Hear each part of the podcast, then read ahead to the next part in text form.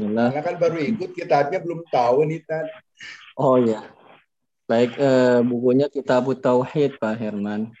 Kitab Tauhid yang bisa Ya, mudah-mudahan nanti di layar bisa tampil ya. Atau kalau punya matannya bisa dilihat matan dari Kitab Tauhid. Bismillah, Alhamdulillah, wassalatu wassalamu ala rasulillah ala alihi wa sahbihi wa man walah. Amma ba'd. Segala puja dan puji syukur tak henti-hentinya kita panjatkan kepada Allah Subhanahu wa taala yang terus menerus melimpahkan kepada kita begitu banyak nikmatnya dan antara nikmat yang Allah karuniakan kepada kita Allah Subhanahu wa taala mempertemukan kita dalam kegiatan ini yaitu dalam rangka untuk memahami bagaimana cara kita beribadah kepada Allah Subhanahu wa taala juga untuk mengetahui tujuan hakikat dari kehidupan kita yaitu agar kita beribadah kepada Allah Subhanahu wa taala dan puncak tertinggi dari sebuah ibadah adalah mentauhidkan Allah Subhanahu wa taala. Eh, Salawat serta salam semoga tercurah kepada Nabi kita Muhammad Sallallahu Alaihi Wasallam, pada istri-istri beliau, karib kerabat beliau, sahabat-sahabat beliau, dan orang-orang yang mengikuti mereka dengan baik. Semoga Allah Subhanahu wa taala memudahkan kita untuk mempelajari sunnah-sunnah Nabi kita Muhammad sallallahu alaihi wasallam, kemudian diberikan kekuatan untuk berpegang teguh dengannya dan Allah Subhanahu wa taala wafatkan kita di atas uh, agama dan sunnahnya Nabi kita Muhammad wasallam. Uh, ikhwani fillah rahimani wa rahmatullah. Kembali kita melanjutkan uh, apa namanya pembacaan kitab kitab tauhid ya sampai pada bab sebuah bab yang uh, cukup menarik ya yang juga apa namanya uh, memberikan kepada kita peringatan-peringatan ya ada beberapa hal uh, dari apa namanya pembahasan-pembahasan ini yang berkaitan uh, langsung dengan tauhid seseorang. Itu sebagaimana tampak di layar uh, antum semua. Bab yang kita akan bahas adalah bab yang ke-38 ya. Bab man atau al ulama'a wal umara'a fi tahrimi ma ahallallahu aw tahlili ma harramahu faqad ittakhadhahum arbaba. Barang siapa yang mentaati ulama dan umara pemimpin dalam mengharamkan apa-apa yang dihalalkan oleh Allah atau menghalalkan apa-apa yang diharamkan olehnya maka sungguh dia orang tersebut telah menjadikan ulama dan umara tadi itu sebagai rob rob ya sebagai uh, sesembahan sebagai afwan sebagai Tuhan ya, ya selain Allah Subhanahu wa taala ya. dari babnya memang cukup uh, menghenyak kita ya. Ya udah tulis dengan tanpa basa-basi ya. Barang siapa yang mentaati ulama dan para pemimpin dalam mengharamkan apa yang Allah halalkan atau kebalikannya menghalalkan apa yang Allah haramkan maka sungguh orang tersebut menjadikan para ulama dan pemimpin tersebut sebagai rob ya sebagai tuhan-tuhan ikhwani fillah rahimani wa rahmatullah. Ya ya hakikat sebetulnya dari ulama adalah uh, ulama yang membimbing umat ini kepada syariat Allah Subhanahu wa taala. Dan hakikat sebenarnya dari umaro para pemimpin adalah mereka yang melaksanakan ya syariat Allah Subhanahu wa taala tersebut. Jadi ulama itu yang menjelaskan, yang membimbing, uh, umat ini kepada syariat Allah Subhanahu wa taala, kemudian hal tersebut itu direalisasikan oleh para pemimpin. Itu hakikat yang secara tataran idealnya berkaitan dengan ulama dan umara. Dan mereka dua pihak inilah yang kita diperintahkan untuk mentaati mereka. Bagaimana Allah Subhanahu wa taala berfirman dalam surat An-Nisa ayat 59, "Ya ayyuhalladzina amanu atiullaha wa atiur rasul wa ulil amri minkum." Sebagai ayat sebagaimana ayat yang sering kita dengar ya. Wahai orang-orang yang beriman, taatlah kalian kepada Allah dan kepada Rasul dan juga kepada para pemimpin kalian. Nah, kalau ya kita baca dan kita perhatikan ayat dalam surat An-Nisa tersebut, yaitu ayat ke-59, maka ketaatan kepada Allah Subhanahu wa taala dan rasulnya adalah bentuk ketaatan yang mutlak. Ya, yang sepenuhnya diberikan oleh seorang hamba ya ketaatannya yang 100% itu adalah kepada Allah Subhanahu wa taala dan rasulnya. Dan sedangkan ketaatan ya, makhluk kepada pemimpin itu tidak mutlak. Ya, artinya tatkala para pemimpin tersebut memerintahkan pada hal-hal yang disyariatkan oleh Allah Subhanahu wa taala atau hal-hal yang tidak bertentangan dengan syariat Allah Subhanahu wa taala, maka termasuk hal yang kita diperintahkan untuk mentaatinya sebagaimana dalam surat An-Nisa tersebut yang kita baca tadi. Nah, dan apabila uh, para pemimpin memerintahkan kepada hal-hal yang bertentangan dengan syariat, maka kita tidak diperbolehkan untuk mentaatinya. Karena ketaatan itu hanya dalam perkara-perkara yang baik. Ya, perkara yang baik adalah perkara-perkara tentu saja yang Allah Subhanahu wa taala syariatkan atau atu fil ma'ruf. Ketaatan itu hanya pada yang ma'ruf, pada hal-hal yang baik. baik di sini bukan dikembalikan kepada kelompok tertentu atau individu tertentu, tapi yang disebut baik adalah sesuai dengan apa yang Allah Subhanahu wa taala syariatkan. Jadi ketaatan kepada Allah Subhanahu wa taala dan kepada Rasul itu adalah ketaatan yang mutlak. Adapun ketaatan kepada para pemimpin ya adalah yang muqayyad namanya. Yang yang tergantung apa yang diperintahkannya. Apabila tadi yang kita sebutkan perinciannya apabila memerintahkan kepada syariat Allah Subhanahu wa taala atau kepada hal-hal yang tidak bertentangan dengan syariat Allah Subhanahu wa taala dan itu adalah merupakan untuk maslahat banyak orang, maka termasuk hal yang diperintahkan kita mentaati mereka. Adapun kebalikannya, apabila memerintahkan uh, sesuatu yang dilarang oleh syariat, maka kita tidak boleh untuk mentaatinya ya. Tapi bukan berarti kemudian ketika uh, seandainya ada para pemimpin yang memerintahkan kepada hal-hal yang bertentangan dengan agama kita berarti diperbolehkan langsung memberontak begitu ya, atau mengangkat senjata? Tidak. Maka apa yang kita lakukan? Pertama yang dilakukan seorang kalau melihat pemimpin yang demikian keadaannya adalah dia mendoakan pemimpin tersebut Semoga Allah Subhanahu wa taala buka hatinya untuk bisa menerima hidayah dan Allah Subhanahu wa taala kuatkan dan Allah jauhkan dari orang-orang yang sekitarnya yang sekiranya bisa uh, mempengaruhi untuk menetapkan sesuatu yang bertentangan dengan syariat Allah Subhanahu wa taala. Itu yang pertama. Kemudian yang kedua, apabila kita memiliki kemampuan, memiliki akses untuk bisa menasehati pemimpin tersebut, maka harus dilaksanakan.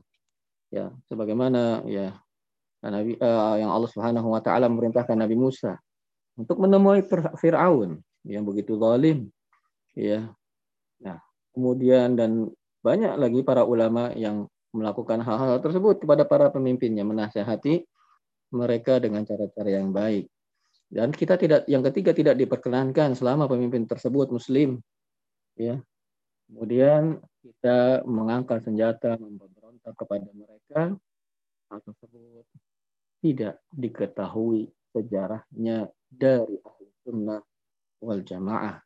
Adapun sekte-sekte yang memberontak kepada pemimpinnya ya adalah bukan dari kalangan ahli sunnah wal jamaah. Ya, kelompok-kelompok seperti Khawarij yang punya rekam jejak pemberontakan mereka. Bahkan memberontak pada masanya Utsman bin Affan anhu ya. Dan juga pada masa Ali radhiyallahu anhu. Itu adalah salah satu di antara orang-orang terbaik yang menemani yang menyertai Nabi kita Muhammad sallallahu alaihi wasallam. Mereka sampai sampai mengkafirkan kedua sahabat yang mulia tersebut. Dan Ahlussunnah wal Jamaah ya terbedakan ciri, ciri khas utama mereka adalah mereka tidak mengangkat senjata, mengkudeta, memberontak kepada pemimpinnya selama dia masih muslim. Kemudian ikhwani fillah rahimani wa ya.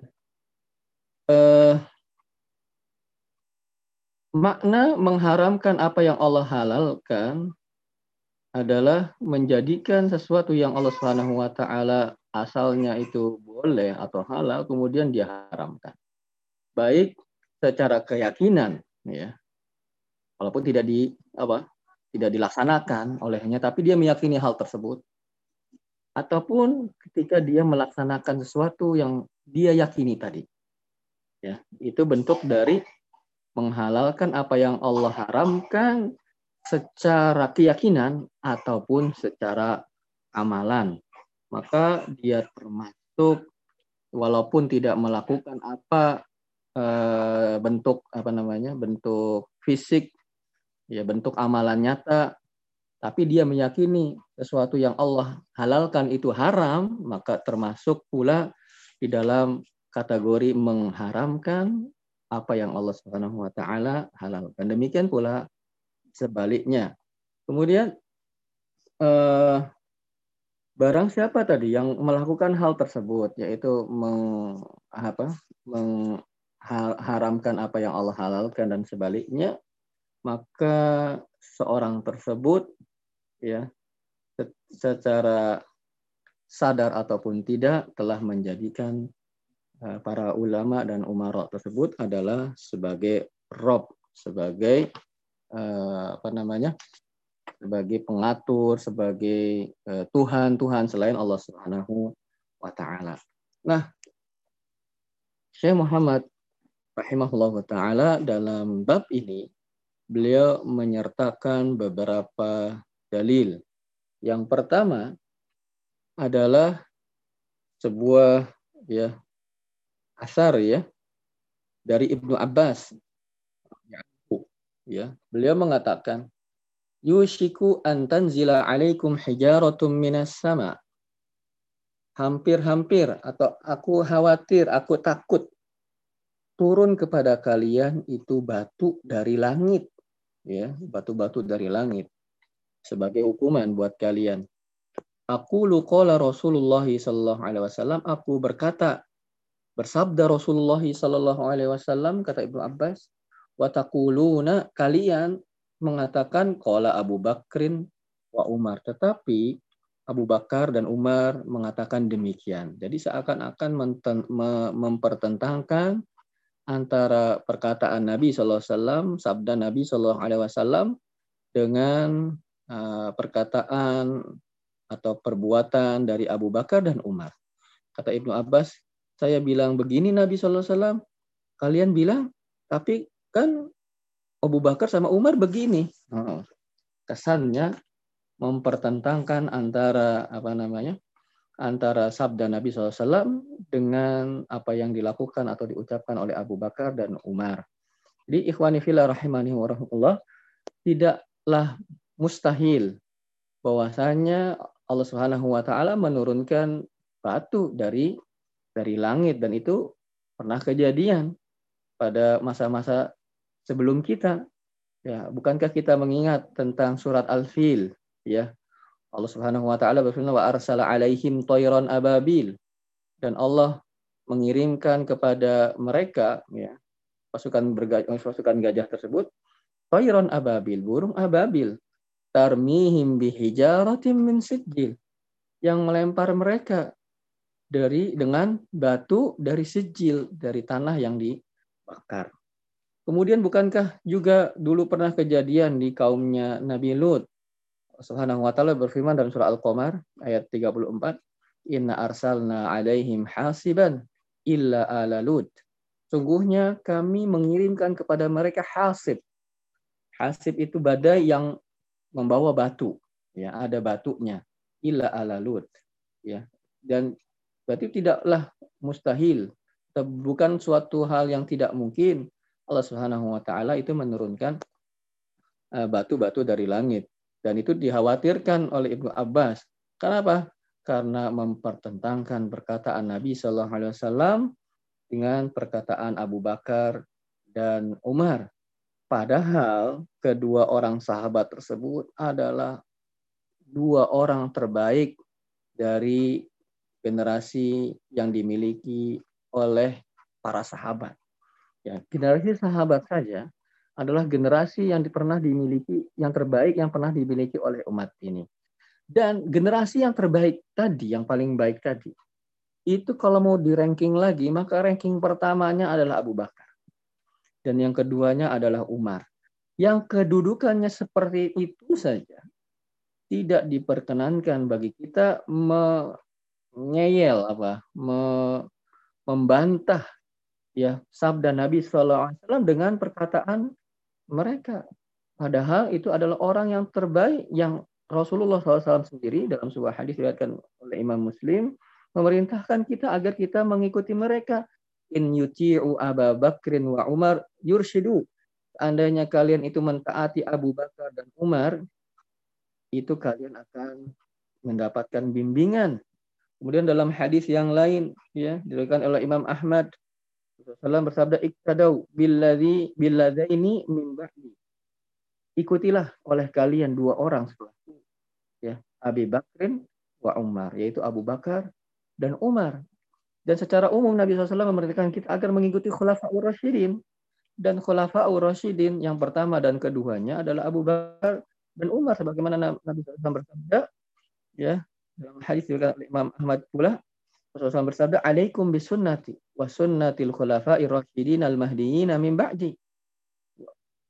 Wajib bagi kalian berpegang teguh kepada sunnahku dan sunnahnya khulafa ar-rasyidin yang mendapatkan petunjuk setelahku. Tamassaku biha wa addu 'alaiha bin nawajid. Berpegang teguhlah dengannya dan gigitlah dengan gigi geram kalian. Lihat kita diperintahkan untuk mengikuti mereka. Dan sebetulnya tidaklah kita ketahui bahwasannya Abu Bakar dan Umar itu pernah menyelisihi atau mengingkari atau berbuat ya, sesuatu yang membelakangi sabda Nabi Shallallahu Alaihi Wasallam. Mereka berdua adalah orang yang sangat begitu cinta kepada Nabi SAW, bahkan full ya kecintaannya terwujud pada perilaku mereka. Mereka tidak mungkin ya menyelisihi sabda Nabi Shallallahu Alaihi Wasallam secara sadar ya tidak mungkin bagi mereka berdua untuk membelakangi sabdanya Nabi Shallallahu Alaihi Wasallam. Tetapi seandainya saja ya seseorang itu ngeyel membantah sabda Nabi Shallallahu Alaihi Wasallam padahal itu adalah benar yang dikatakan oleh Nabi Shallallahu Alaihi Wasallam valid benar-benar dikatakan oleh Nabi SAW kemudian dia berpaling dari itu mengambil perkataan selain Nabi Wasallam dan membuang perkataan atau sabda Nabi Wasallam maka itu pula termasuk orang-orang yang dikhawatirkan mendapatkan azab dari Allah Subhanahu wa taala sebagaimana perkataan dari Ibnu Abbas Nah, itu Abu Bakar dan Umar. Bayangkan ikhwani fillah rahimani warahmatullah. Apalagi kita mempertentangkan sabda Nabi Shallallahu alaihi wasallam dengan orang yang jauh berada di bawah Abu Bakar dan Umar. Ya, tatkala kita sampaikan Nabi Shallallahu Alaihi Wasallam bersabda begini. Ini riwayatnya ini. Ah, tetapi kan misalnya tokoh saya bilangnya begitu, ya. Atau ustadz saya bilangnya begini dan seterusnya begitu ya maka hal tersebut tidak layak diucapkan oleh seorang muslim yang mengakui bahwasanya nabinya adalah Nabi Muhammad Shallallahu Alaihi Wasallam. Maka ya Nabi Shallallahu Alaihi Wasallam sabdanya, perkataannya, perbuatannya harus ditunjukkan tinggi oleh seorang muslim. Jauh dari perkataan, dari pendapat ya orang-orang yang di bawah Nabi Shallallahu Alaihi Wasallam. Karena Nabi SAW diutus oleh Allah Subhanahu Wa Taala mengajarkan kepada kita bagaimana cara kita untuk bisa beribadah kepada Allah Subhanahu Wa Taala. Dan kelak ikhwani wa akhwati fillah rahimani wa di akhirat kelak nanti kita tidak akan ditanya kenapa kalian ya itu eh, apa namanya beda dengan orang-orang? Yang kenapa kalian kok nggak melakukan seperti yang dilakukan orang? Kenapa beda? Tidak kita akan ditanya nanti kenapa kita itu berbeda ketika beribadah maksudnya ya dalam konteks ibadah. Kenapa kita berbeda dengan Nabi Shallallahu Alaihi Wasallam? Kenapa kita berbeda dengan para rasul? Bagaimana Allah Subhanahu Wa Taala berfirman dalam surat Al-Qasas ayat 65 wa yauma yunadihim tatkala aku kata Allah memanggil mereka itu pada hari kiamat yaqul maka Allah mengatakan mada ajabtumul mursalin. Apa yang jawaban kalian terhadap para rasul? Ya jadi kita akan ditanya kita ini ya sama enggak dengan para rasul dengan nabi kita Muhammad SAW bukan ditanya kenapa kita beda dengan orang? Ya jadi itu yang harus kita uh, perhatikan dan kita sadari bahwasanya ibadah kita yang kita lakukan hidup kita di dunia ini patokannya bukan kebanyakan orang tetapi adalah bagaimana Allah Subhanahu wa taala dan rasulnya ya memberi arahan kepada kita ya. Oleh karena itu, ikhwani fillah rahimanahullah, maka uh, kita tidak boleh mendahulukan perkataan seseorang di atas perkataan Allah Subhanahu wa taala dan tidak boleh di atas perkataan Nabi kita Muhammad sallallahu alaihi wasallam. Semua pendapat, semua perkataan, semua tindakan harus ditimbang dengan Allah dengan firman Allah Subhanahu wa taala Al-Qur'an dan hadis Nabi sallallahu alaihi wasallam ya bukan kebaliknya. Bukan uh, Al-Qur'an dan hadis Nabi sallallahu alaihi wasallam yang sahih itu disesuaikan dengan keinginan seseorang, bukan. Jadi jangan salah mengukur bahwasanya sesuatu yang diukur itu eh, penggaris itu mengikuti sesuatu yang diukur, bukan sebaliknya ya. Ya, tetapi kembali ke permasalahan kita bahwasannya standarnya adalah Al-Quran dan Sunnah. Semua hal itu ditimbang dengan kedua hal tersebut. Perkataan orang, ucapan seseorang, tindak tanduk seseorang, maka dinilainya dengan Al-Quran dan Sunnah Nabi Shallallahu Alaihi Wasallam tentunya yang dipahami sebagaimana para sahabat memahami keduanya. Ya, jadi demikian. Ikhwani fillah rahimankumullah. Eh, perkataan ya uh, siapa pun selain Nabi Shallallahu Alaihi Wasallam maka tidak layak diadukan, dibentuk, benturkan dengan perkataan Nabi Shallallahu Alaihi Wasallam siapa pun dia. Ya, maka tatkala sudah jelas ya sabda Nabi Shallallahu Alaihi Wasallam maka itulah yang dipegang. Yang perkataan yang lain selain Nabi Shallallahu Alaihi Wasallam bisa kita benarkan dan bisa juga salah. Tetapi perkataan Nabi Shallallahu Alaihi Wasallam apabila ini pasti benar karena tidaklah Nabi Shallallahu Alaihi Wasallam itu mengatakan sesuatu melainkan dari yang wahyu yang diwahyukan kepada beliau Shallallahu Alaihi Wasallam memayantiku anil hawa ini huwa illa wahyu yuha kan demikian. Baik. Kemudian ikhwani fillah rahimani wa rahmatullah uh, Syekh Muhammad rahimahullah taala meneruskan kembali ya dengan perkataan Imam Ahmad bin Hanbal rahimahullah taala. Ya.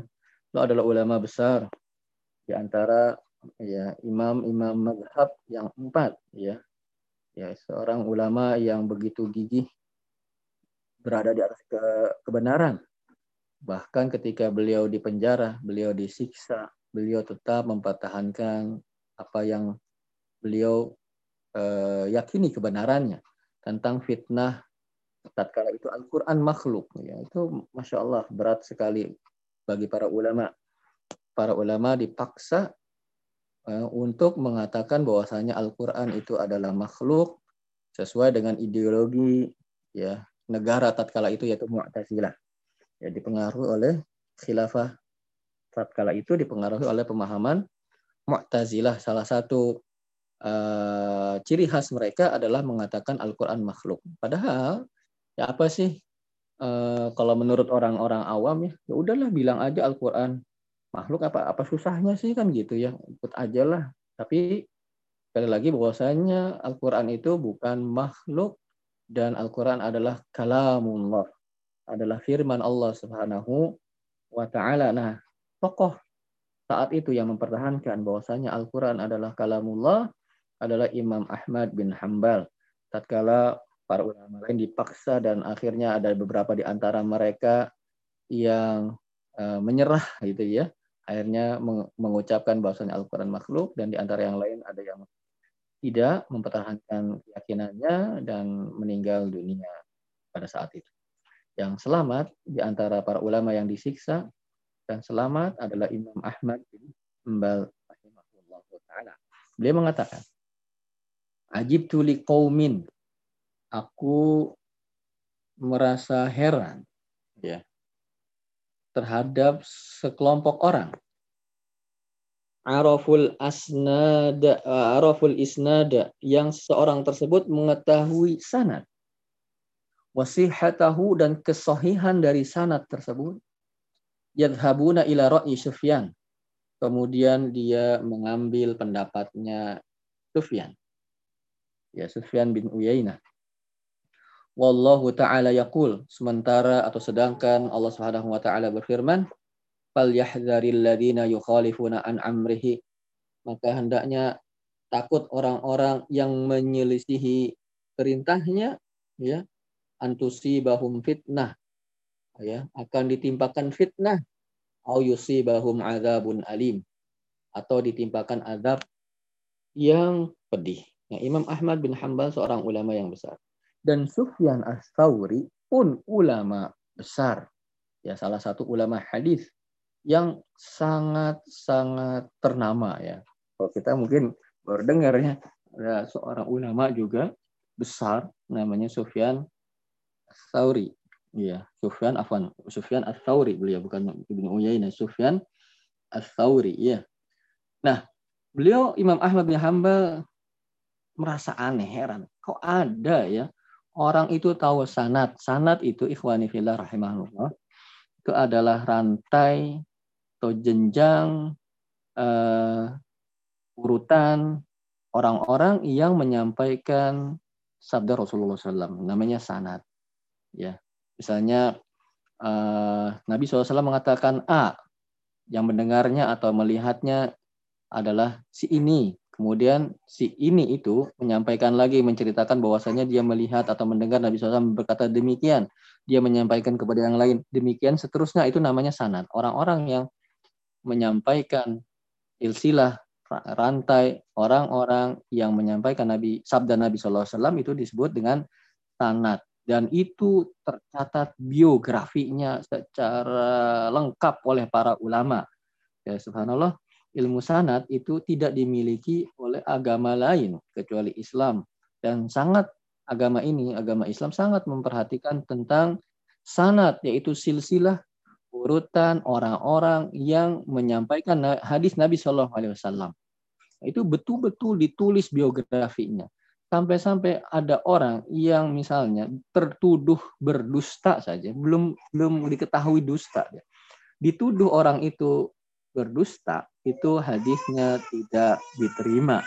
Atau diketahui ada orang yang membohongi ya hewan saja hewan. Misalnya dia mau menangkap seekor hewan kemudian pura-puranya mau ngasih makan ya itu, padahal nggak ada makanan kemudian ditangkap hewan itu itu saja ya di, tidak diterima hadisnya ya. Itu yang dibohongi hewan gimana orang gitu ya ya karena bohongi itu ada potensi dia juga bisa sangat mungkin untuk membohongi perkataan yang lainnya kan gitu ada kemungkinan dia berbohong nah itu namanya sanad. Jadi Imam Ahmad bin Hambal beliau seorang ulama hadis ya. Ya, hafalan beliau jutaan hadis ya. Kita arba'in aja mungkin nggak hafal-hafal sampai sekarang. Ya, Imam Ahmad bin Hambal mengatakan kok ada ya orang-orang yang tahu tentang sanad biografi periwayat hadis si fulan si fulan paham dia biografinya tahu detail si fulan ini begini si fulan ini diterima hadisnya kuat hafalannya dan sebagainya. Kemudian tahu apa kesahan atau kesohihan hadis, kok kenapa malah mengambil pendapat orang begitu loh? Kenapa enggak mengambil pendapatnya Nabi Shallallahu Alaihi Wasallam? Kan gitu ya? Dalam kasus ini Sufyan As-Sauri beliau mengatakan kenapa? Ya. Dan ketahuilah Sufyan As-Sauri juga ikhwani fillah itu beliau punya mazhab fikih ya, fikih. Jadi mazhab fikih itu enggak cuma empat, Nah, yang empat itu adalah madhab fikih yang sampai sekarang tetap eksis itu tetap ada. Tetapi ada juga madhab-madhab fikih tertentu yang tidak sampai sekarang itu eksis. Ya, sebabnya banyak. Sebabnya misalnya muridnya sedikit, ya. Jadi muridnya dari misalnya uh, ulama tersebut akhirnya meninggal semuanya akhirnya tidak tersampaikan ilmu dari ulama tersebut. Nah yang eksis sampai sekarang atau madhabnya empat dan di antaranya adalah madhab Hambali yaitu Imam Ahmad bin Hambal dan beliau heran sama orang yang tahu tanat tahu had, sahih hadisnya tahu ilmu hadis ketika sudah gamblang sabda Nabi SAW pada dirinya kenapa tidak mengambil pendapatnya Nabi SAW malah mengambil pendapat orang begitu. Sedangkan Allah Subhanahu Wa Taala dia berfirman maka orang-orang waspada hendaknya takut orang-orang yang menyelisih perkara an amrihi ya. Menyelisih perintah darinya ya. Antusi bahum fitnah ditimpakan fitnah dan azab yang pedih ya. Ya maka hendaknya hati-hati orang yang menyelisih dari perintahnya nyaknya itu. Ya orang-orang yang menyalahi menyelisihi perintahnya nyanya itu siapa? Rasul Shallallahu Alaihi Wasallam. Menyelisihi Rasulullah Shallallahu Alaihi Wasallam ya. Ya karena konteks ayat ini kalau antum lihat surat An-Nur ini konteksnya memang sedang berbicara tentang Nabi Shallallahu Alaihi Wasallam. Ini bukan dari awal ayat ya. Ya awal ayatnya berbunyi begini la taj'alu du'a ar-rasul bainakum ka du'a ibadikum ba'da ya. Janganlah kalian menjadikan atau memanggil nggak ada di dalam buku kita ini. Coba kalau antum lihat di Al-Qur'an di mushafnya langsung ya, maka uh, awal dari ayat tersebut ya sebelum fal dari ladina yukhalifuna an amrihi itu ya ayatnya adalah uh, coba kita lihat ya Nah, ayatnya ayat 63 ini la taj'alu du'a ar-rasul bainakum ka du'a ibadikum ba'da.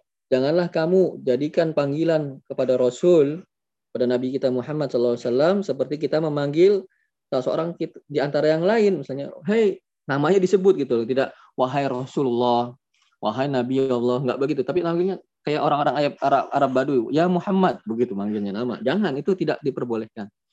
Ya, dilarang oleh Allah Subhanahu wa taala. Janganlah kalian jadikan panggilan kepada Rasul Nabi kita Muhammad seperti kita memanggil yang selain beliau. Ya. Qad ya'lamullahu alladziina yatasallaluna minkum liwada. Allah mengetahui orang-orang yang keluar secara sembunyi-bunyi di antara kalian. Ya. Dengan berlindung kepada kawannya. Nah, baru masuk fal yahdharil ladzina yukhalifuna an amrihi baru. Ya ayat ini apa yang ada dalam uh, layar kita itu. Jadi awal ayatnya memang konteksnya sedang berbicara tentang Rasulullah SAW. Maka maka hendaknya takut orang yang menyelisihi perintahnya itu kepada perintahnya Rasulullah Sallallahu Alaihi Wasallam. Maka bagi seorang yang telah mengetahui dalam dirinya secara gamblang sabda Rasulullah sallallahu alaihi wasallam maka ya tidak layak baginya untuk mempertentangkannya juga mengambil pendapat selain Nabi Shallallahu Alaihi Wasallam. Itu bagi yang tahu ya, gamblang sudah tahu. Kalau bagi yang belum tahu, bagaimana tanya. Ya kalau tugasnya orang yang belum tahu itu bertanya kepada orang yang tahu. Fas'alu ala dzikri in kuntum la ta'lamun. Maka bertanyalah kalian kepada ahlinya jikalau kalian tidak mengetahui ya. E, kemudian ikhwani fillah rahimahullah kita lanjutkan. Atadrimal fitnah. Apakah kamu tahu apa itu fitnah? Ya al fitnah asyik fitnah itu adalah kesyirikan. Ya. La'allahu idza radda ba'da qawlihi an yaqa'a fi qalbihi syai'un min az-zayg fayahlik. Ya. Dikhawatirkan jikalau seorang menolak sebagian dari sabdanya Nabi SAW, maka akan terdapat dalam hatinya sesuatu dari penyimpangan, maka dia pun binasa. Ya. Nah ini perkataan Imam Ahmad bin Hambal rahimahullahu taala tatkala sudah jelas sabda Nabi Shallallahu Alaihi Wasallam maka itulah yang dipegang oleh seseorang. Adapun pendapat-pendapat selain sabda Nabi Wasallam maka ditimbang dengan apa sabdanya Nabi Shallallahu Alaihi Wasallam. Sampai saat ini mungkin kita belum mengetahui secara uh, pasti ya dalil-dalil tentang korelasi bab yang beliau sampaikan dengan dalil-dalil ini. Tapi bisa kita pahami bahwasanya ya eh, bagi seorang muslim itu perkataan Allah Subhanahu wa taala dan rasulnya itu mutlak di atas lainnya. Tidak boleh siapa pun ya eh, menggunakan pendapat siapa pun, perkataan apa pun setelah jelas. Ya, setelah jelas ya. Puasanya Allah dan Rasulnya memerintahkan suatu hal, maka tidak layak, tidak boleh bagi seorang untuk menyelidiknya. Siapa pun pendapatnya, maka ditimbang dengan hal tersebut, yaitu Al-Quran dan Sunnah Nabi SAW. Nah, pada pada yang terakhir ini, hadis sebuah hadis ini, maka akan nampaklah kaitan antara uh, dalil dengan judul babnya, yaitu sebuah hadis ya dari Adi bin Hatim seorang sahabat Nabi Shallallahu Alaihi Wasallam. Ya. Anahu sami'an Nabi Shallallahu Alaihi Wasallam.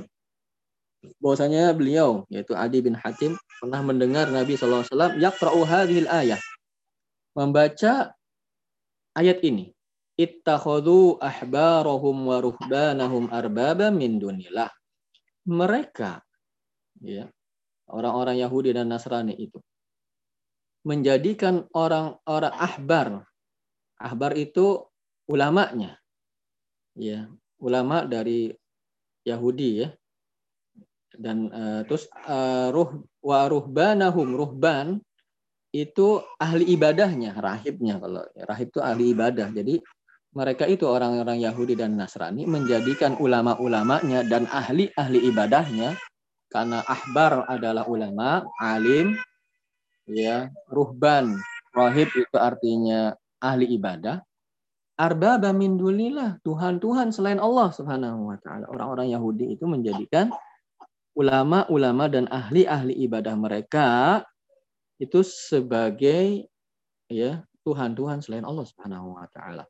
Nah, perlu diketahui ikhwani fillah rahimani wa bahwasanya sahabat Adi bin Hatim itu dulunya seorang Nasrani ya.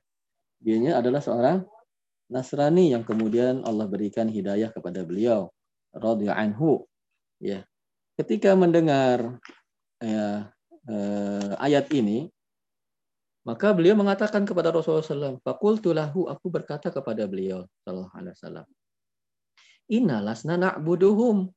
Kami dulu, maksudnya, ya tidak menyembah mereka, enggak, ya, enggak menyembah, hmm, apa namanya, ulama dan tidak menyembah para ahli ibadahnya enggak. Nah, kemudian Rasulullah SAW mengatakan kepada sahabat Adi bin Hatim ini, "Qala alaysa yuharrimuna ma ahallallah fatuharrimunahu?" Bukankah kalian ya bukankah mereka yaitu ulama dan para ahli ibadahnya itu mengharamkan apa yang Allah halalkan, kemudian kalian juga mengharamkannya?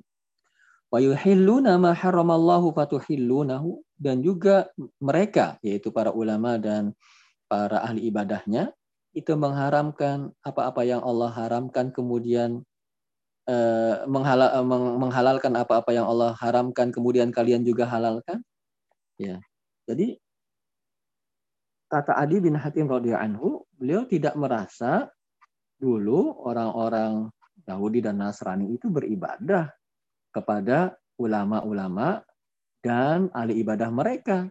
Tapi kata Rasulullah, bukankah kalau mereka mengharamkan sesuatu yang dihalalkan oleh Allah, kalian juga haramkan?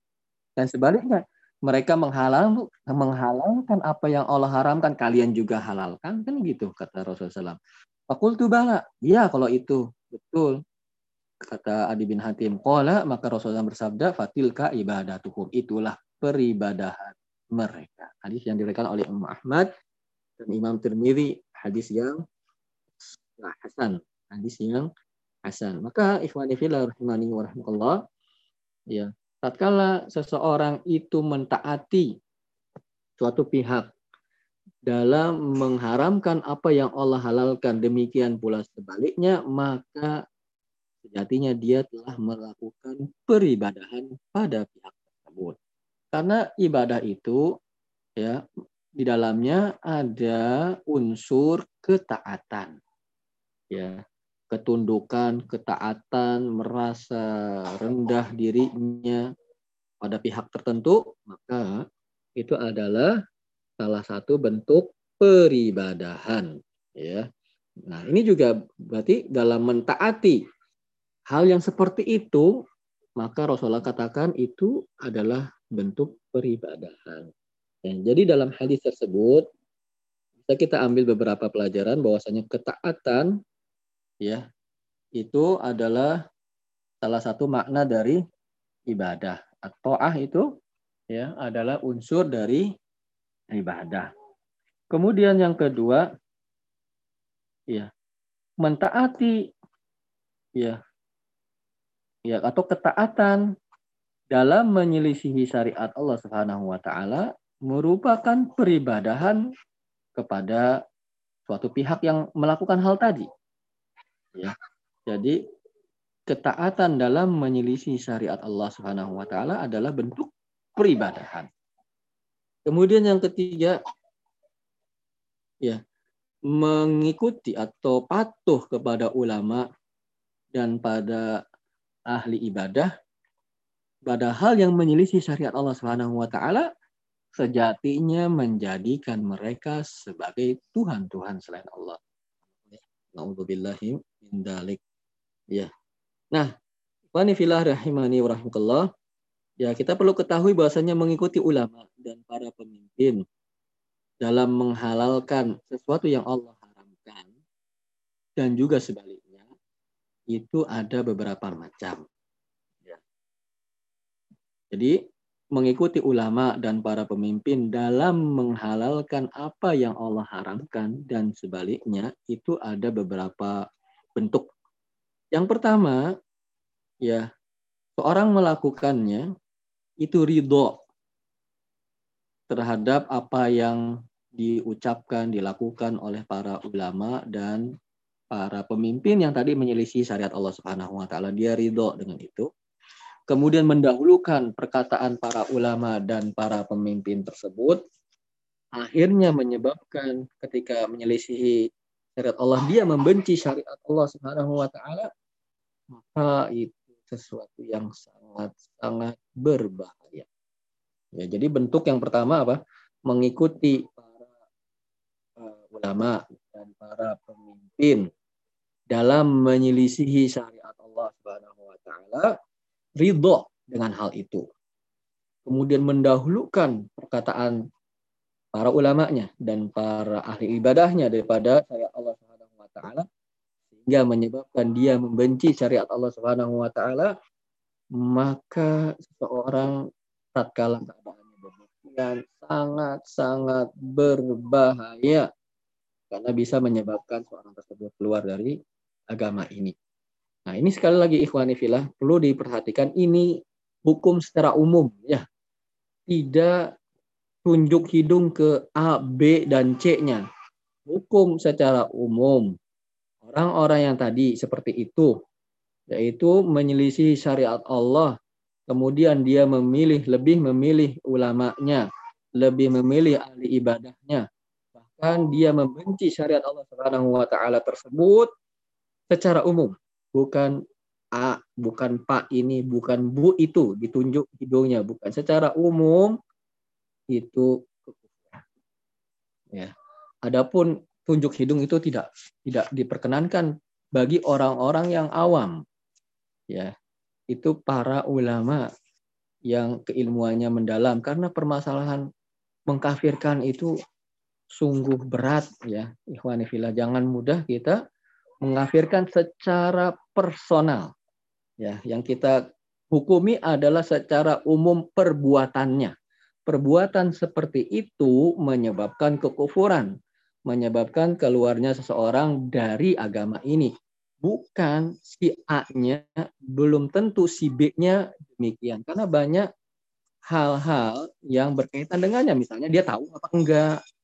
Dan jangan dia kira bahwasanya uh, yang diperintahkan, yang dilakukan oleh para ulama dan ahli ibadahnya itu dia dikira adalah hukum Allah Subhanahu wa taala.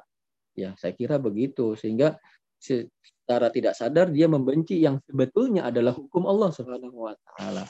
Nah, maka kita katakan ini kita berbicara dalam tataran umum, bukan pelakunya tapi perbuatannya. Perbuatan seperti itu sangat berbahaya karena bisa menyebabkan seseorang keluar dari agama ini, melakukan kekufuran akbar. Kemudian, kedua, ya, bentuk kedua. Eh, meng, apa namanya? mengikuti para ulama tersebut ya, yang menyelisihi syariat Allah, mengikuti mereka dan para pemimpin. Mengikuti mereka ridho. Tapi ridho dengan hukum Allah Subhanahu wa taala. Tahu hukum Allah itu lebih baik, ya lebih bermaslahat bagi ya para manusia dan juga negara misalnya. Tetapi karena hawa nafsunya dia lebih mengikuti bukan hukum Allah Subhanahu wa taala, tetapi apa yang dilakukan atau dikatakan oleh para ulamanya dan para pemimpinnya. Dia tahu itu, sadar bahwasanya dia mengikuti para ulamanya dan para ahli ibadahnya pada ini menyelisihi syariat Allah Subhanahu wa taala, tetapi dia meyakini bahwasanya hukum atau syariat Allah itu adalah yang terbaik bagi setiap manusia, bagi setiap tempat, bagi setiap negara. Cuman hawa nafsunya apa namanya? menipunya, hawa nafsunya mengalahkan ya ketundukannya kepada syariat Allah Subhanahu wa taala tersebut, maka orang tersebut bukan kafir, tetapi fasik. Fasik itu orang yang e, berlumuran dengan maksiat Allah Subhanahu wa taala. Itu namanya fasik. Orang tersebut berdosa, tapi tidak keluar dari agama ini. Karena dia meyakini bahwasanya hukum Allah itu adalah syariat Allah adalah yang terbaik. Cuman dia apa namanya eh, karena hawa nafsunya akhirnya mengiringnya kepada menyelisihi syariat Allah dan memilih untuk mengikuti para pemimpin dan ulama. Yang ketiga, dia mengikuti para ulama dan para pemimpinnya dalam menyelisih syariat Allah Subhanahu wa taala karena tidak tahu. Dia menyangka itu hukum Allah Padahal sebetulnya bukan justru mereka yaitu para ulama dan para pemimpinnya justru menyelisih syariat Allah. Maka kita rinci ya bentuk yang ketiga ini.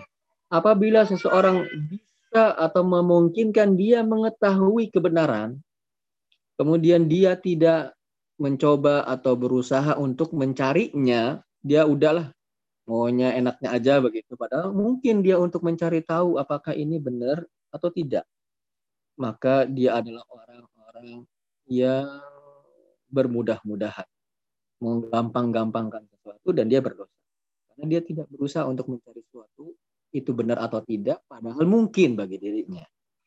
Yang kedua, ya orang yang mengikuti para ulama dan para ahli ibadah dalam hal yang menyelisih syariat Allah karena dia tidak tahu dan eh, tidak memungkinkannya untuk bisa mencari tahu apakah itu benar atau enggak itu syariat Allah atau bukan yang dia ikuti. Dia nggak memiliki kemampuan untuk itu.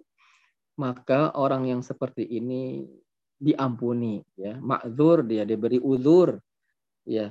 Kemudian tatkala dia bertanya kepada ulamanya dan pemimpinnya padahal diperintahkan oleh mereka terhadap sesuatu yang menyelisih syariat Allah ya karena dia nggak tahu dan tidak memiliki kemungkinan atau kesempatan ya atau uh, apa namanya uh, usaha untuk bisa mecek mericek lagi apakah benar atau tidaknya kemudian dia bertanya kepada ulama yang dia yakini ya atau dia uh, apa namanya percayai padahal ulama tersebut hakikatnya menyelisih syariat Allah maka dia diampuni. Dan dosanya siapa? Dosanya orang-orang yang menjerumuskan dia untuk melakukan hal-hal yang bertentangan dengan syariat Allah Subhanahu wa taala. Sebagaimana dalam sebuah hadis diriwayatkan oleh Imam Ahmad dan Abu Dawud dan Ibnu Majah dan yang lainnya lagi ada ini Rasulullah bersabda man af man uftiya bi ghairi ilmin fa innama ismuhu ala man aftahu. Barang siapa yang e, minta fatwa tapi dia tidak tahu.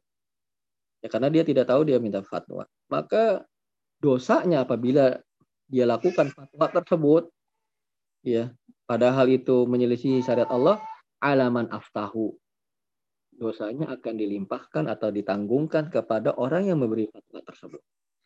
Makanya juga hati-hati dalam berfatwa ya, tidak serampangan begitu. Lebih baik ya kita apa namanya uh, arahkan kepada para ulama yang benar-benar diakui keilmuannya secara internasional, terutama tentang hal-hal yang besar, ya hal-hal yang berkaitan dengan uh, apalagi yang nyawa berkaitan dengan nyawa manusia, maka hendaknya kita tidak terburu-buru memberi fatwa dan menyerahkannya kepada ulama yang telah mendalam keilmuannya dan diakui keilmuannya secara internasional. Ya, Kemudian ikhwani fillah rahimani wa ya berkaitan dengan ya hukum selain hukum Allah Subhanahu wa taala. Ya, apakah kita boleh berhukum dengan hukum selain Allah Subhanahu wa taala atau apakah hukumnya orang yang mengambil selain hukum Allah Subhanahu wa taala? Maka kalau kita perhatikan dalam Al-Quran itu ada tiga ayat yang e, menyebutkan hal tersebut. Yang pertama surat Al-Maidah ayat 44. Ya, Allah Subhanahu wa taala berfirman, "Wa man lam yahkum bima anzalallahu faulaika humul kafirun." Barang siapa yang tidak berhukum dengan apa yang Allah turunkan, maka mereka adalah orang-orang yang kafir. Kemudian ayat yang kedua, dalam surah Al-Maidah juga ayat 45 setelahnya. Wa man lam yahkum bima anzalallah faulaika humuz zalimun. Barang siapa yang tidak berhukum dengan apa yang Allah turunkan, maka mereka adalah orang-orang yang zalim. Kemudian ayat yang ketiga, Al-Maidah juga. Ayat 47 beberapa ayat setelahnya. Wa man lam yahkum bima anzalallah faulaika humul fasiqun. Barang siapa yang tidak berhukum dengan apa yang Allah turunkan, maka mereka adalah orang-orang yang fasik, orang-orang yang gemar melakukan kemaksiatan. Jadi hukum orang yang tidak berhukum dengan hukum Allah Subhanahu wa taala kita rinci ya. Di antara mereka ada yang kafir secara umum ya, bukan personal sekali lagi. Setiap yang kita bicarakan tentang hukumnya kafir itu yaitu perbuatannya ya Adapun penerapannya kepada orang per orang itu yang berbahaya itu perlu bimbingan para ulama. Karena banyak nanti permasalahannya bukan sekedar uh, statusnya saja. Kemudian setelah itu nantinya harta waris tidak, keturunannya apa namanya uh, wali nikahnya tidak dan banyak hal-hal yang berkaitan dengan hal itu bukan hal yang mudah ya tetapi kita katakan secara umum perbuatannya orang yang berhukum dengan hukum selain Allah Subhanahu wa taala itu dirinci. Bagaimana ayat tadi? Ada yang kafir ada yang zalim ada yang fasik kok ya. Ada yang fasik. Yang pertama kapan? Berhukum dengan selain hukum Allah dia di apa namanya dihukumi kafir perbuatannya. Jikalau seseorang meyakini bolehnya berhukum dengan hukum selain Allah Subhanahu wa taala. Boleh. Ini ada hukum Allah, ini ada hukum selain Allah. Boleh. Pada selain Allah apa salahnya misalnya? Maka itu sesuatu yang berbahaya. Karena Allah Subhanahu wa taala berfirman, "Apa hukmul jahiliyah yabgun apakah hukumnya jahiliyah yang mereka inginkan. Jadi semua hukum yang menyelisih hukum Allah Subhanahu wa taala itu disebut hukum jahiliyah. Ya, disebut dengan hukum jahiliyah. Itu yang pertama, jika seorang meyakini walaupun dia tidak melakukan ya, meyakini bolehnya kita itu berhukum dengan hukum selain Allah Subhanahu wa taala. Kedua, ya. Apabila seorang itu meyakini jikalau hukum selain Allah itu sama kedudukannya seperti hukum Allah Subhanahu wa taala. Sama kedudukannya, sama derajatnya, sama mulianya. Yang ketiga, yang ini lebih parah.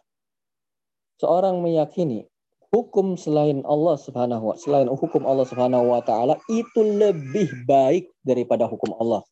Hukum Allah itu jelek atau di bawah hukum selain hukum Allah Subhanahu wa taala ini yang terparahnya dan dia juga atau pelaku apa namanya perbuatannya ya kan perbuatannya itu juga adalah perbuatan yang membahayakan yang mem bisa membuat diri seorang itu melakukan kekufuran keluar dari agama ini.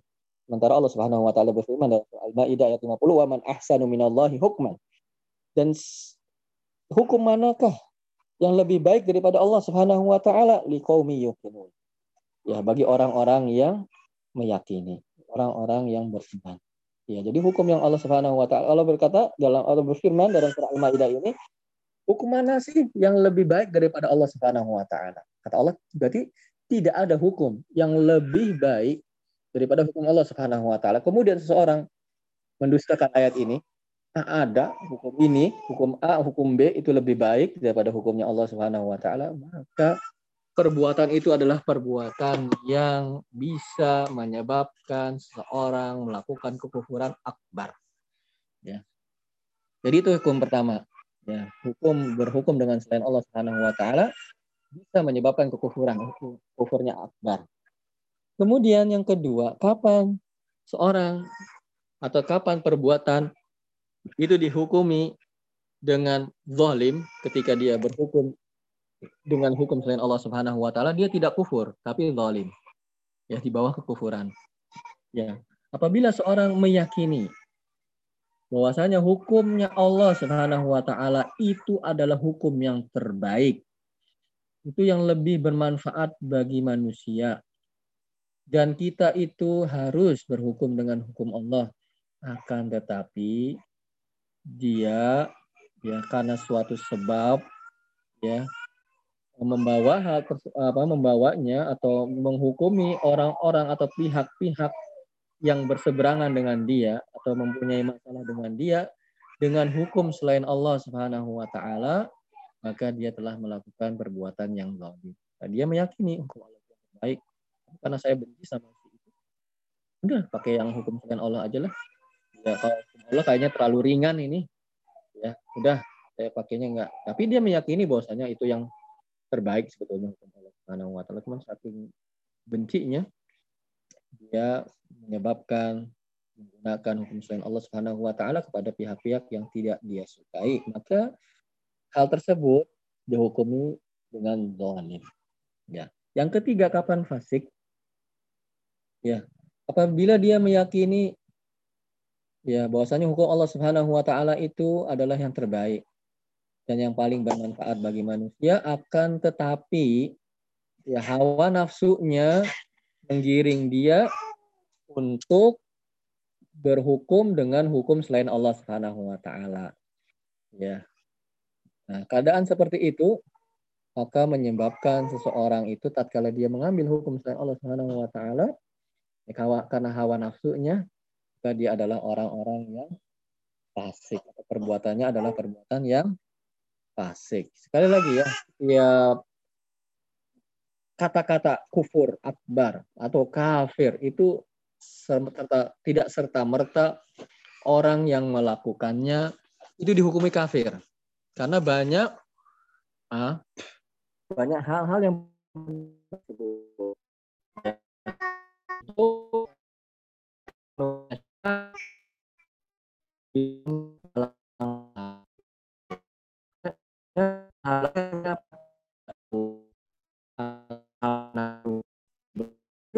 yakini ya, itu yang terbaik. Hukum Allah Subhanahu wa taala yang terbaik. Ya. Kemudian eh, apabila seorang itu telah meyakini benar-benar sadar padahal hukum Allah terbaik, kemudian ah bodoh amat lah, gak baik itu hukum, gitu ya. Bahkan ya sampai mengakibatkan seorang itu memungkinkan ya bagi dia itu untuk melakukan kekufuran yang kufurnya akbar gitu. Jadi ikhwanifillah warahmani warahmatullah uh, kita meyakini bahwasannya Allah Subhanahu wa taala sebagaimana seorang muslim dan mukmin bahwasanya semua yang Allah Subhanahu wa taala tetapkan untuk kita untuk manusia itu pastilah yang terbaik untuk kita. Karena Allah Subhanahu wa taala yang menciptakan kita tahu apa yang terbaik bagi ciptaannya. Ya oleh karena itu uh, maka perkataan Allah Subhanahu wa taala dan rasulnya itu di atas segalanya. Ya. Perkataan Allah Subhanahu wa taala dan rasulnya itu perkataan dan yang mutlak yang kita mentaatinya. Adapun selain ya firman Allah Subhanahu wa taala dan hadis Nabi sallallahu alaihi wasallam yang sahih ya itu ditimbang dengan keduanya, bukan sebaliknya. Bahkan tidak layak bagi seorang eh, membenturkan perkataan Allah Subhanahu wa taala dan rasulnya dengan perkataan-perkataan orang lain. Itu sangat tidak layak sekali. Ya. Tapi catatannya yang perlu kita tahu, kita telah mengetahui benar gitu ya. Kecuali kita nggak tahu. Kita sudah mengetahui benar bahwa Allah memerintahkan ini, Rasulnya memerintahkan itu. Kemudian secara gamblang kita telah mengetahuinya. Kemudian akhirnya kita meninggalkan keduanya karena kita fanatik dengan tokoh tertentu dan sebagainya, maka itu tidak diperkenankan dan tidak layak bagi seorang muslim. Gitu. Allahu alam bisawab. Bagi ada yang menyampaikan sesuatu dipersilahkan. Apabila saya bisa menjawabnya, saya jawab. Kalau tidak tahu, saya mohon dimaklumi.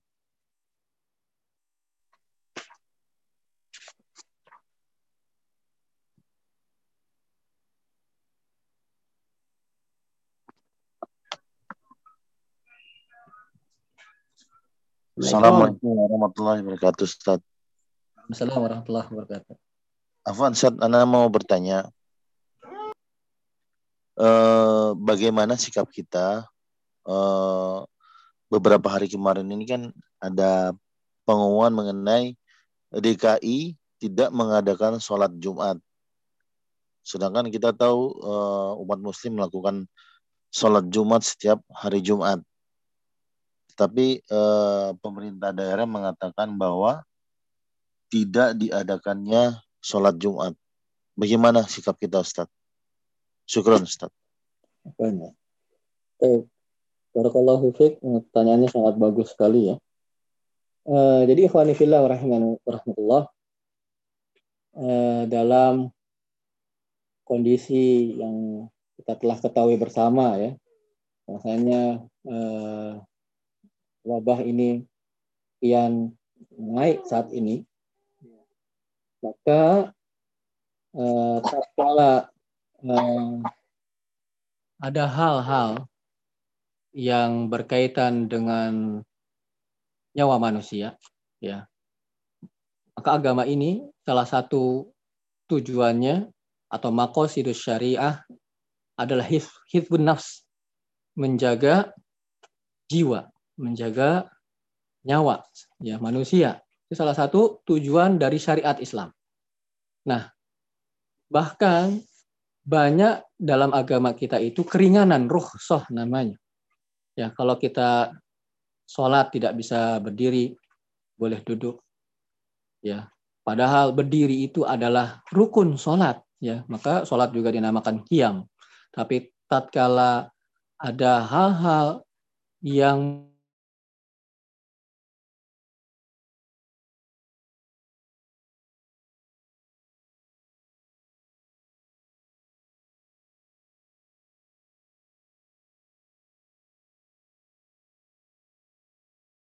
hal-hal yang berkaitan dengan keringanan-keringanan. Tatkala sholat jamaah, ya bahkan di antara salah satu pendapat bahwa hukum sholat berjamaah di masjid bagi laki-laki adalah wajib, ya itu pun ada ruhsah yang bisa menggugurkan sholat berjamaah bagi laki-laki di masjid, contohnya hujan, ya dan yang lainnya. Sebagaimana juga terdapat kaidah fikih ya yang berbunyi al masyaqqatu tajlibut taisir. Bahwasanya kesulitan itu mendatangkan kemudahan. Jadi Allahu a'lam biswab. Tatkala ya pemimpin kita memperhatikan bahwasannya ada hal-hal tertentu yang belum memungkinkan untuk dilakukan sebuah peribadahan, maka ya itu pun termasuk bentuk ketaatan kita kepada yang ma'ruf ya kepada yang baik ya karena berkaitan dengan nyawa kaum muslimin. Ya nyawa seorang kaum mukmin seorang yang beriman itu itu jauh lebih berharga daripada dunia dan isinya. Seandainya dunia dan isinya ini hancur ya itu masih lebih ringan daripada hilangnya nyawa seorang yang beriman Ya, bagaimana kalau begitu? Maka sebagai gantinya seorang melakukan sholat duhur di rumahnya.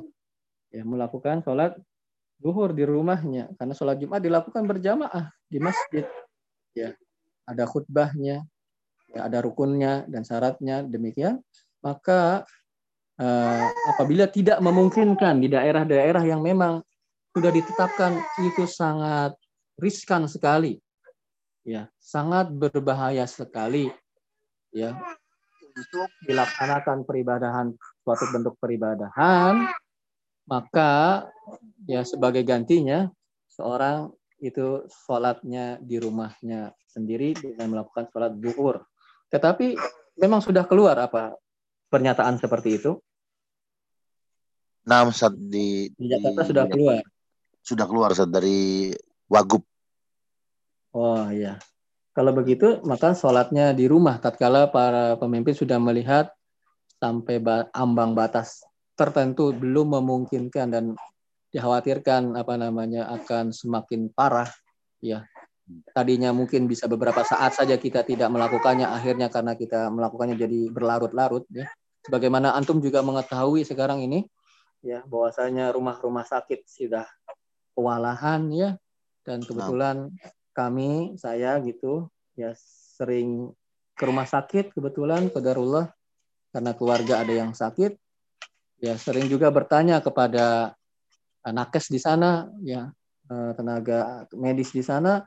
Mereka sudah walahan sudah overload ya sudah menolak-nolak.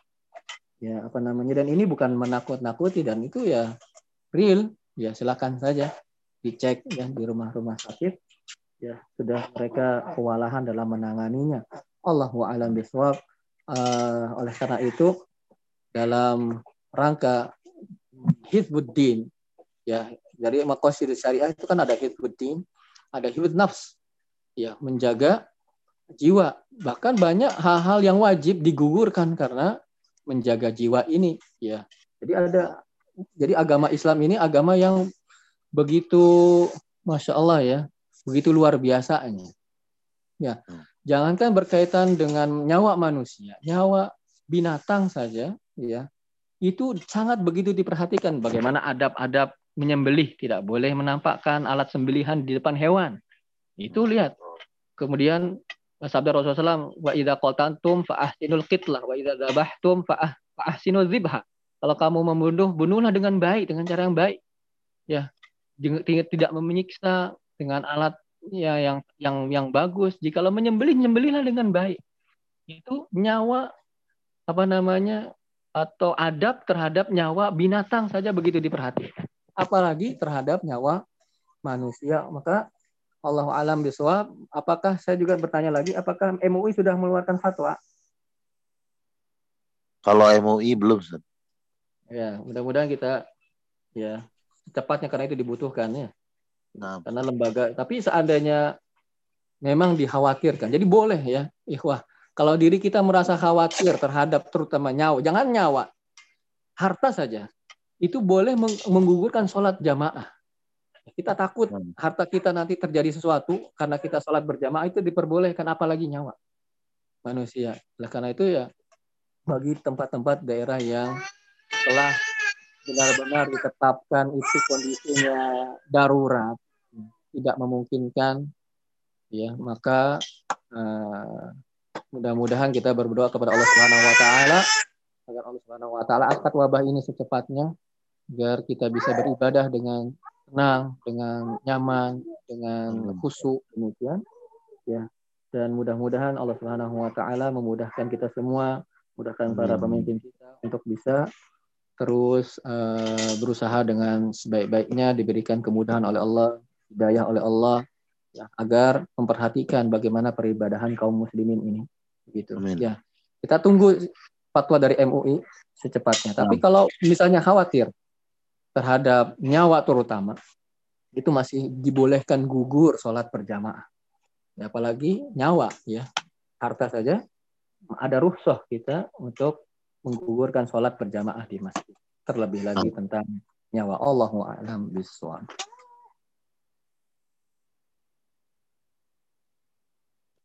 Ada lagi, Bapak-bapak? Assalamualaikum, Ustaz. Assalamualaikum warahmatullahi Ya gimana Pak Juli kabarnya?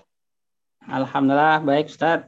Ya, Alhamdulillah. Mau izin bertanya Ustaz untuk tadi yang dibandingkan perkataan Abu Bakar atau sebelumnya ada Sofyan Asauri mm -hmm. bahwasanya Rasul bilang ini tapi dibandingkan dengan orang. Ini kejadiannya seperti apa Ustaz? Mungkin ada contohnya Ustaz.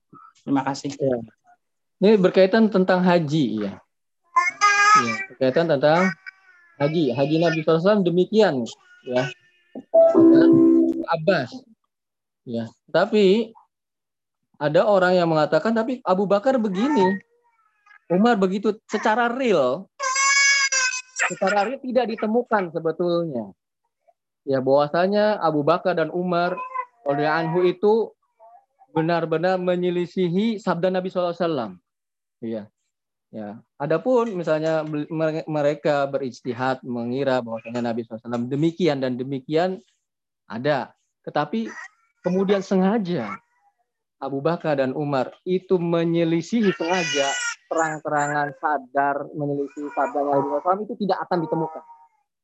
Ya, jadi kadang-kadang para sahabat itu berijtihad tentang suatu hal, ya ternyata telah diketahui bahwasanya ijtihad mereka itu menyelisihi sabda Nabi SAW itu ada. Ya, tentang riba juga ada demikian para orang sahabat yang riba afadl ya.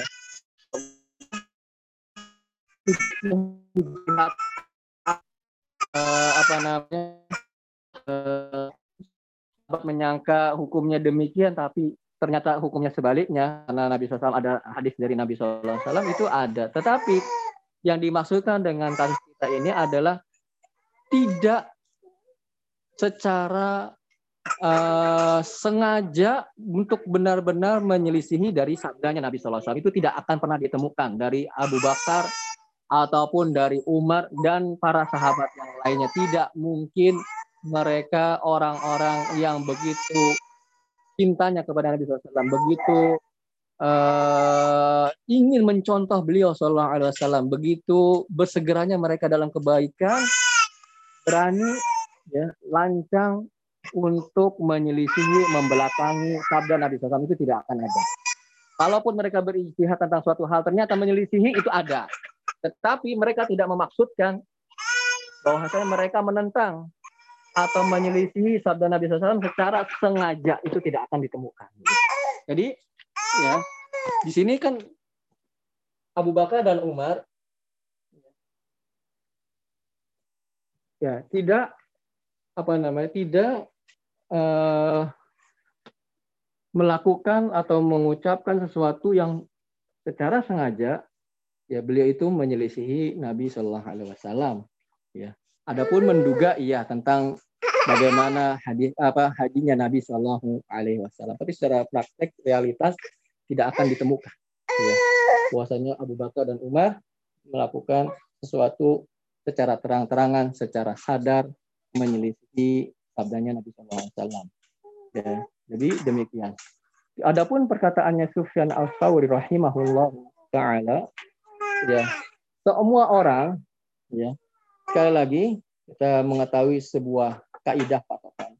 Semua ucapan seseorang itu bisa diterima atau bisa ditolak. Ya, kecuali perkataannya atau sabdanya Nabi Shallallahu Alaihi Wasallam.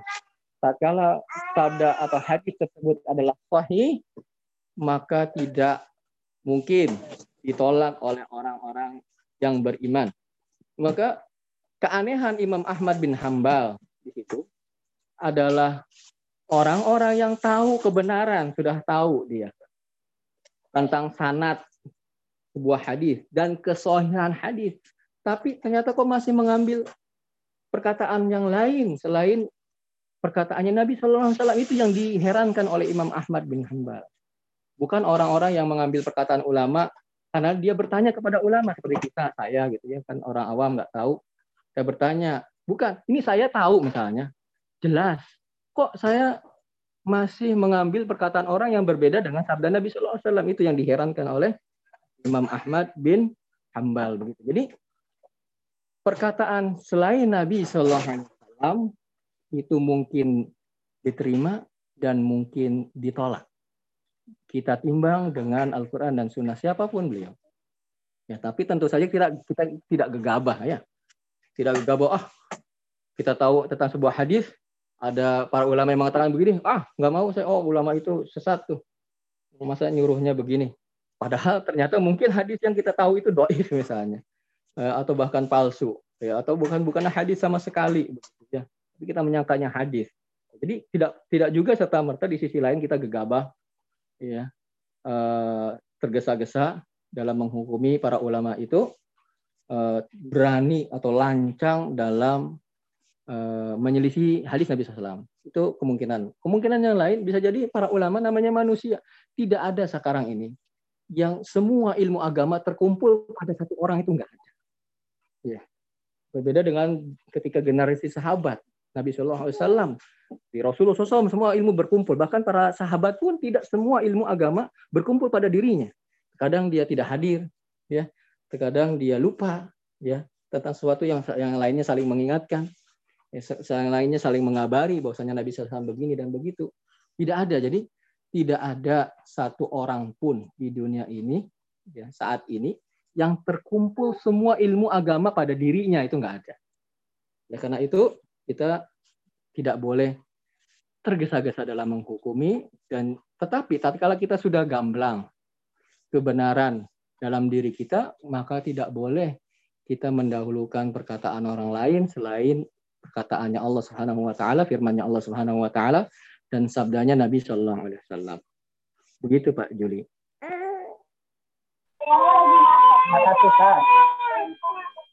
Jadi ada yang perlu ditekankan jangan gegabah juga ya. Sembrono ya ketika ada suatu hal wah ulama ini begini bertentangan dengan nabi ulama nggak benar misalnya begitu. Tidak serta merta gegabah begitu. Kita harus pelan pelan ya dalam menghukumi orang lain itu perlu pelan pelan ya benar enggak nih apa yang kita pahami? Itu benar enggak valid enggak atau pemahamannya seperti itu? Tidak. Kemudian kalaupun benar bisa jadi ulama namanya ulama manusia tidak ada yang ya maksum ya manusia itu pasti ada yang salah gitu ya makanya ada syariat saling nasihat menasehati dalam kebenaran dan kesabaran itu fungsinya. Karena tidak ada seorang manusia pun yang yang yang benar semua itu nggak ada. Pasti ada kesalahan pada dirinya. Oleh karena itu, ya eh, kita apabila tetapi apabila kita sudah tahu gamblang kebenaran di dalam lupuk mata kita, dalam hati kita sudah gamblang kebenaran, sudah jelas bagi kita kebenaran, ya maka tidak boleh maka tidak boleh kita mendahulukan perkataan orang lain dari perkataan Allah Subhanahu wa taala atau firman Allah Subhanahu wa taala dan rasulnya. Apabila sudah gamblang kebenaran pada diri kita. Kalau belum, jangan tergesa-gesa.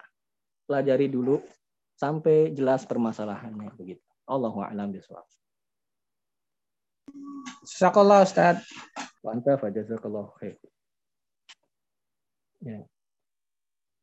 Uh, Bapak-bapak, mungkin kita akhiri dulu ya pertemuan kita. Saya berterima kasih banyak kepada Bapak-bapak yang telah uh, studi menyempatkan waktunya ya untuk bisa bersama kami sama-sama belajar sedikit demi sedikit mengisi hidup-hidup kita ini yang tersisa ini entah berapa lama ini untuk terus mempelajari agama yang Allah Subhanahu wa taala jadikan kita untuk bisa memegangnya ya. Itu nikmat yang besar.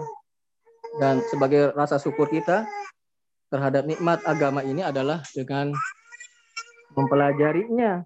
Kemudian setelah itu kita memohon kepada Allah agar Allah mudahkan kita dalam mengamalkannya berpegang teguh di atas agama ini. Allahu a'lam bishawab. Semoga Allah Subhanahu wa taala memudahkan semua urusan kita di dunia dan akhirat. Semoga Allah Subhanahu wa taala mengangkat wabah ini ya agar kita bisa kembali beribadah dengan nyaman dan dengan dengan khusyuk dan sebagainya. Semoga Allah Subhanahu wa taala juga menyembuhkan di antara orang-orang yang sedang mengalami Amin. sakit, mengalami kesusahan, lalu lapangkan dirinya Allah mudahkan urusannya. Allahu a'lam bishawab. Subhanakallahumma wa bihamdika asyhadu an la ilaha illa anta astaghfiruka wa atubu ilaik. Waalaikumsalam warahmatullahi wabarakatuh. Waalaikumsalam warahmatullahi wabarakatuh. Waalaikumsalam.